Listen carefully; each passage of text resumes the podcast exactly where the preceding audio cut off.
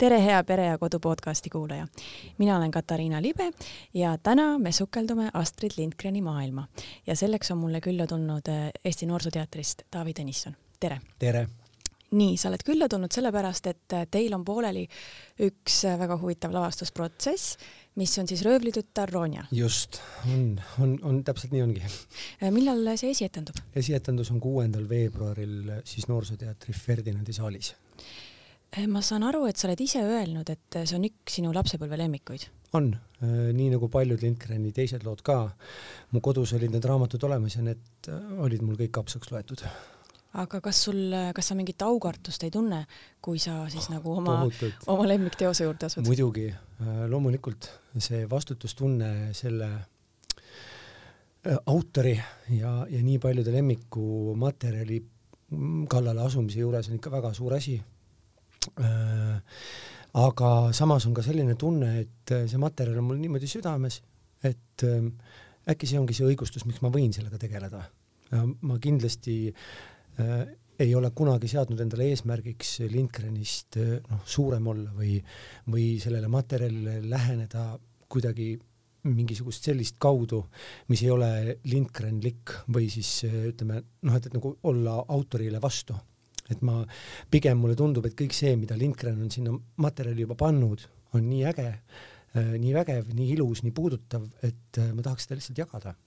aga mis on Lindgrenlik, kui sa ütled, et sa ei taha olla Lindgrenlik või ei, tahan, ei taha olla mitte Lindgrenlik? Ähm, seesama äh, laps ja see, kuidas laps maailma näeb, kuidas ta seda tajub ähm,, tema mured, tema rõõmud ähm,, mingisugune vahetus, siirus mäng ja, ja ausus võib-olla on see, mis on Lindgrenile väga omane, me teame ju seda, et äh, tema oli tegelikult, ütleme, et lastekirjandust võib justkui nagu mõtteliselt jagada kaheks, et lastekirjandus enne Lindgrenit ja lastekirjandus pärast Lindgrenit, sest et äh, ta nagu kirjanikuna oli võib-olla üks esimesi, kes andis lapstegelastele hääle ja, ja, ja andis märku sellest, et lapstegelane ei ole alati nunnu, ta ei ole alati armas, ta ei ole alati sõnakuulelik, aga tal on oma soovid, tahtmised, mõtted, tujud ja ta saab omamoodi maailma asjadest aru, ta on tark, ta on äh, äge. kas sa näed, et äh, trupp ja ülejäänud inimesed, kes selle lavastuse heaks töötavad, kas nad on samal lainel? mulle tundub küll jah, mulle tundub küll äh, selle tüki kunstnik on Kristel Maamägi ja temaga me oleme suve algusest peale olnud hästi tihedas kontaktis ja väga palju just sellel või noh, nendel teemadel mõtteid vahetanud ähm,. helilooja Liina Sumära on kirjutamas niisugust muusikat, et kukub pikali, et see on, noh, see on lihtsalt väga ilus äh, ja minu meelest sellesse maailma väga hästi sobituv. meie liikumisjuht Olga Privis ähm, loob sellist liikumist, et, äh, et ähm, noh, see on jah, see on, see on vägev ja trupp ka peaosatäitjad siis äh, Doris Tisler ja Leino Rei ja Joosep Puus ja kõik teised ka, et ähm, meil on väga tore olnud teha seda. ma siin just ükspäev mõtlesin, et, et väga selline intensiivne tööperiood on ees. mitte, et ta siiamaani ei oleks intensiivne olnud, aga et ma nagu keeldun või ma keelan iseendal mingisugust stressi tundmast, et ma ei, ma ei tohi sellele materjalile minna nagu jõuga kallale või äh, või läbi noh, hammaste. Et seda tuleb kuidagi teha läbi rõõmu ja, ja siiamaani me oleme seda suutnud teha mm. -hmm. sa loetlesid enne, miks Lindgren on oluline ja. või mis temas ilusat on, aga miks just Ronja? Ronja puhul on selline asi, et äh, ta on materjal, mis mulle tundus, et on meie teatrisse väga mitmel erineval põhjusel hästi sobiv. seal noh, võib välja tuua selle, et meil on olemas sobiv trupp meil on olemas äh, sobivad oskused, ehk siis Ronja on minu meelest väga visuaalne materjal, seal on ähm, tegemist keskkonnaga, kus äh, täitsa tavaliste omas ajas elavate inimeste kõrval eksisteerivad müütilised olendid. Ja mis on kõige vahvam, on see, et see lugu ei ole neist, nad lihtsalt eksisteerivad, see maagia on seal lihtsalt olemas. ja see annab võimaluse tuua lavale nukud. aga nukud on miski, mis mind väga köidab, et ähm, mulle tundus, et meil on võimalik seda materjali, selle materjaliga toimetada niimoodi, et me saame sinna nagu midagi panustada. see maailm vaatajate ette tuua äh, võib-olla sellisel moel, nagu vaatajad ei ole varem näinud, sest Ronjat on tegelikult varem Eesti teatris tehtud ka, aga nukke minu teada ei ole kunagi kasutatud um,. mis veel um,? oota, kuidas see küsimus oligi? Eh, miks Ronja? miks just röövitatar Ronja? mõte läheb laiali. Eh, ehk siis trupp, teine asi see visuaalsus ja kolmas asi muidugi need teemad, et äh, aeg on selline, et mulle tundub, et on õige pisut üle korrata jälle, et äh, tuleb vaadata südamega, tuleb kuulata, tuleb näha ja, ja tuleb olla julge ja julgeda öelda, kui sa näed midagi, mis sulle ei meeldi või mis mitte, et ei meeldi, vaid mis on valesti. ja Ronja minu meelest on selline tegelane, et ta, ta riskides kaotada kõik, ta astub välja äh, inimesi kaitseks, keda ta armastab. no seal on ju see loss, mis on siis pikse noole tabamusega siis kaheks, kaheks löödud, löödud.. kas see on siis väike nagu allegooria või, või paralleel sellega, mis meil praegu siin toimub? jah, jah, kuigi ega ma päevapoliitiliseks ei plaani minna mitte ühestki otsast, aga paratamatult need seosed tekivad jah, et kogu see lugu minu meelest on üks, üks kujund, ta on, ütleme, ta on nagu iseseisvaks või täiskasvanuks saamise lugu ühest küljest, teisest küljest on ta justkui lugu sellest, et me oleme koos tugevamad ja et kellelgi ei ole õigust kedagi alla suruda, et jõuga ei saa, ainult armastusega saab mm. -hmm, väga armas, see vist on jah, üks Lindgreni põhilisi sõnumeid. jah no sa ütlesid, et äh, Roonjat on Eesti teatris varem tehtud. minu põlvkonna inimesed kindlasti mäletavad äh, Emajõe suveteatri üheksakümne kaheksanda aasta lavastust, äh, kus siis Roonjat mängis Elina Reinhold ja, ja., ja siis sealt jäid kindlasti kõigile kustumatult meelde need Allan Vainola laulud. kuivõrd see lavastus on sind mõjutanud? käisin minagi seda vaatamas, olles Tartust pärit. ma mäletan seda lavastust väga hästi ma mäletan Elinat ja mäletan Ardo Randvarrest ja mäletan seda muusikat. Mm, aga ma, ma, ma olen tahtnud äh, nendest paralleelidest hoiduda. minu käest küsiti, et aga suurepärane muusika on ju olemas, et miks äh, ometigi ei, noh, ei kasuta seda. aga ma otsustasin selle kohe alguses ära, et ei, et minu Ronja on minu Ronja, selles mõttes ta on, ta on teistsugune ja, ja, ja milleks korrata et see on võimalus luua midagi uut. ja, ja Allan Vainola vägev muusika, nende vä-, need vägevad laulud, nad, nad jäävad omasse aega, ma arvan, ja töötasid seal kõige paremini. et täna nad võib-olla enam niimoodi ei töötakski, kuigi nad on endiselt väga head. aga meie muusika kohta ma nii palju ütlen kiiresti, et meile kirjutab laulusõnad Leelo Tungal mm. ja laulule, tähendab laule siis loob ja lavastusele eh, heli loob Liina Sumera mm. -hmm. nii et tuleb täiesti uus muusika. täiesti uus, täiesti. kui palju sinu enda lapsed loevad Lindgreni, sul on endal ju ka neli loevad, last. mul on neli last ähm,. väikesed lapsed veel väga ei loe äh,, sest et nad on äh, kahes, kahene ja neljane.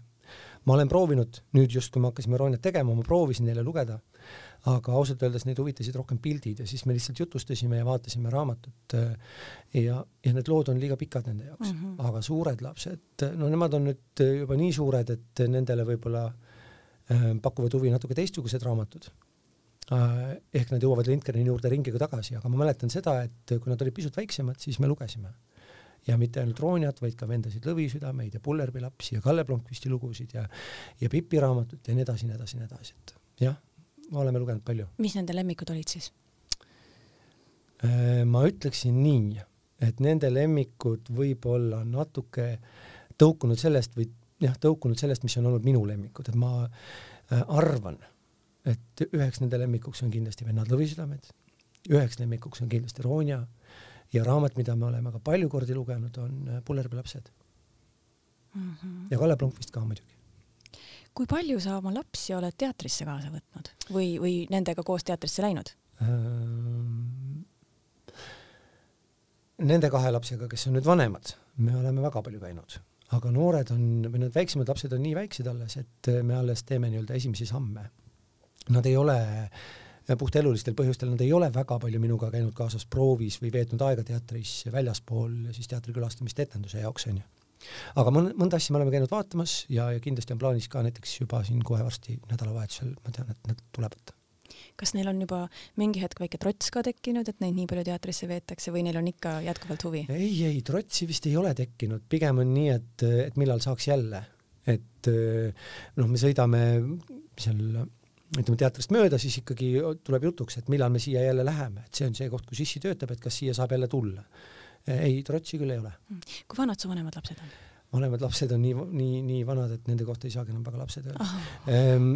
Miia on viisteist ja Mihkel on kolmteist mm. -hmm. mis neid teatri juures köidab? selles mõttes, kas sa jälgid neid ka sellise nagu professionaalse huviga mm, -hmm. et mis üldse last äh, teatris huvitab? ja ma, ma ei, ma ei tea, kas just professionaalse pilguga, aga äh, isana ma olen ikka vaadanud jah jällegi mu kogemused on pigem seotud selle ajaga, kui mu vanemad lapsed olid pisut nooremad. Ehm, mis neid väga huvitab või köidab, on lugu, mis neid väga puudutab, on need tegelased ja nende tegelaste läbielamised ja muidugi kogu visuaalne pool ehk siis nukud väga köidavad. või siis, või siis tegelased, kes jäävad millegi poolest rohkem silma. Ja, ja noh, mis, seda peab ka ütlema muidugi, et, et just need suuremad lapsed, Miia ja Mihkel, et vot nemad olid minuga väga palju teatris kaasas ja siis ikka väga olulisel kohal oli ka see, et, et kes mängib, aa, see on ju see ja see on ju see ja temaga me tegime seda koos ja tegime temaga tegime seda koos, et et see oli ka oluline asi mm. -hmm. milline isa sa oled üldse ma ei tea no,. tahaks muidugi öelda, et väga hea isa, aga ma arvan, ma olen selline üsna tavaline isa, kes on hästi palju kodust ära ja teeb tööd ja, ja ja kodus on vahel võib-olla väsinud ja vahel siuke pahur ja ei viitsi võib-olla liiga palju mängida. aga üks asi on küll, mida ma tõesti olen endale südameseks võtnud, see on seesama õhtune hetk, et kui on magama minek ja kui ma olen kodus, siis ma selle asja toimetan ma küll ära. seesama raamatute lugemine, eh, nendega need viimased kaks tundi enne magama minekut koos olla või siis see voodisse minemise hetk. see on, see on minu teema kindlasti. Ma arvan, et ma äh, ma olen selline võrdlemisi leebe, mind on üsna kerge ümber sõrme keerata ja seda on ka juhtunud ja siis, kui ma olen aru saanud, et ahah, see on nüüd juhtunud, siis et siis ma võin mõnikord ka kuri olla, pahandada, aga, aga muidugi sõnadega et jah, selline ma olen. miks sa usud, et on oluline lastel teatris käia? jah nüüd, kui oli see koroonaaeg ja me olime mitu korda karantiinis, eriti esimese korraga, ma mäletan, et ma mõtlesin selle peale päris palju, et miks on oluline teatris käia. ja sain aru, et äh, teater ei ole ju nagu õhk, et kui sa, sa, kui sa, kui sa teatrisse ei saa, siis noh, sa ei saa elada. saab muidugi, saab muidugi, aga mulle tundub, et need inimesed, kes on teatris käijad, et äh, nende elu on äh, rikkam. Nad on ehk empaatilisemad nad on ja eriti just ütleme siis need õrnas eas vaatajad, et äh, kui nad kasvades puutuvad kokku lugudega, mis lähevad neile korda, mis õpetavad nägema mingisuguseid seoseid või ka taipama, et äh, mitte mina ei ole ainult maailma kese, vaid et on elu ka minu ümber ja väljaspool mind. et äh, inimene saab sellest parem ja käivitab fantaasiat, milleks üldse kunsti vaja on mm. -hmm. nii et sa vastaksid samamoodi, kui ma küsiksin, et miks lapsed peaksid raamatuid lugema? absoluutselt jah, muidugi. aga kas sinu äh, need vanemad lapsed, kes siis on juba varateismelised, et mm -hmm. kas nad on siis ka kadunud raamatute ja teatri juures sinna kaubanduskeskustesse ja ekraanide taha? no, no vot jah, ekraanide taha nad on küll kadunud ja, ja rohkem, kui ma tahaksin. aga ma ei saa, ma ei saa öelda, et nad oleks nagu raamatutest võõrdunud või. tõsi, nad on mõlemad praegu sellises vanuses, et nad loevad natuke vähem, kui nad vanasti lugesid. et ütleme, üks kolm-neli aastat tagasi raamatute lugemine oli üks võib-olla nende põhimeelelahutusi või selline lemmiktegevusi. aga, aga noh, iga on selline, see on mingi faas, mis tuleb läbi teha ja ma, ma arvan, et see noh, nagu küünte ja hammastega nendest neid nagu ekraanist eemale hoida ei ole minu võimuses, ma ei saa seda teha, aga ma saan küll pakkuda neile alternatiive ja kui ma ise midagi teen, siis eh, neid endaga kaasa tõmmata ja vahel see toimib mm. -hmm. nii et sina liiga palju ei karda seda, et, et nad kaovad kuskile ära? ma, ma tegelen sellega küll oma peas ja mulle tundub, eh, et, et nad on liiga palju ekraanide ees. Kui ma neid ei kontrolli või kui ma neile ei soovita midagi muud. aga ma, ma, ma nagu ei karda paaniliselt või mul ei ole sellist hirmu. Ähm, võib-olla, et see tuleneb ähm, noh, hea küll, me, me oleme pärit teisest ajast, on ju, nendest nutiekraanide eelsest ajast, aga ma mäletan, et ka mulle meeldis kohutavalt vaadata telekat, no see oli üks mu lemmikasju, mida teha pärast kooli koju tulles, esimene asi, mida ma tahtsin teha, oli vaadata telekat, kui mul oli vaba päev, ma tahtsin vaadata telekat. et äh, ma ei saa neile seda nagu lõpuni keelata, et äh, senikaua, kuni nende elus on muud ka, kui neil on õppimine korras, kui neil on suhteid väljaspool ekraani, kui neil on huvisid, tahtmisi, mis ei ole seotud ainult virtuaalse reaalsusega, et kui nad tulevad minuga hea meelega välja või midagi muud tegema ka, siis ma, ma ei ole jah nagu õudselt mures. sattusin lugema ühte lugu sinu perekonnast ja seal oli niiviisi ilusti öeldud, et, et teie kodu on nagu Pullerbi lasteküla. kas see vastab tõele ma ei tea, ehm, ma ei tea, mida, mida ajakirjanik sellega täpselt mõtles. no võib-olla talle jäi toona selline mulje. selles mõttes jah, muidugi, et ehm, me elame maal meil on maja ümber päris palju avarust, meil on oma selline hoov, kus on võimalik äh, lastega õues müterdada, meil on aiamaa, me, me veedame väga palju aega väljas nii suvel, kevadel, sügisel kui talvel. Ähm, ja me, ja mul on palju lapsi, et äh, võib-olla, et mingi sarnasus on, aga noh, kas see just niisugune idüll on nagu raamatus, võib-olla, et päris mitte, et võib-olla me oleme pisut igavamad ja argisemad, kui, kui ajakirja kaanelt äh, tunduda võis kui palju te oma toidust ise kasvatate? ma tegelikult ei kasvata väga suurt osa, selles mõttes kõik, mis on roheline, äh, mida me saame enda aias kasvatada, seda me kasvatame, aga me ei kasvata seda võib-olla nagu niisuguse eesmärgiga, nagu meie noh, esiemad, esiisad tegid seda, et äh, võimalikult suures koguses, et talve üle elada, et me pigem, pigem sellepärast, et seda on tore teha. Ja et lastel oleks võimalik Äh, siis kas tooreid või poolvalmis või valmis marju või õunu või herneid või jubasid või maasikaid äh, ise aiamaalt oma sõrmedega võtta, eks ju, või, või seda maitserohelist või kurki või kõrvitseid või mm, lõpuks ka viinamarju ja, ja isegi arbuusi sellel suvel ja mm. et ähm, see on pigem on ta selline hobi, mõnus tegevus, et oleks, et oleks midagi teha, ta ei ole nagu jah, ta ei ole nagu hädavajadus, pigem mõnu pärast kui palju sa näed, et lapsed seda hinnata oskavad oh,? Neile meeldib väga, eriti väiksematele ja muidugi, mida nad kõige rohkem naudivad, on seesama võtmise osa.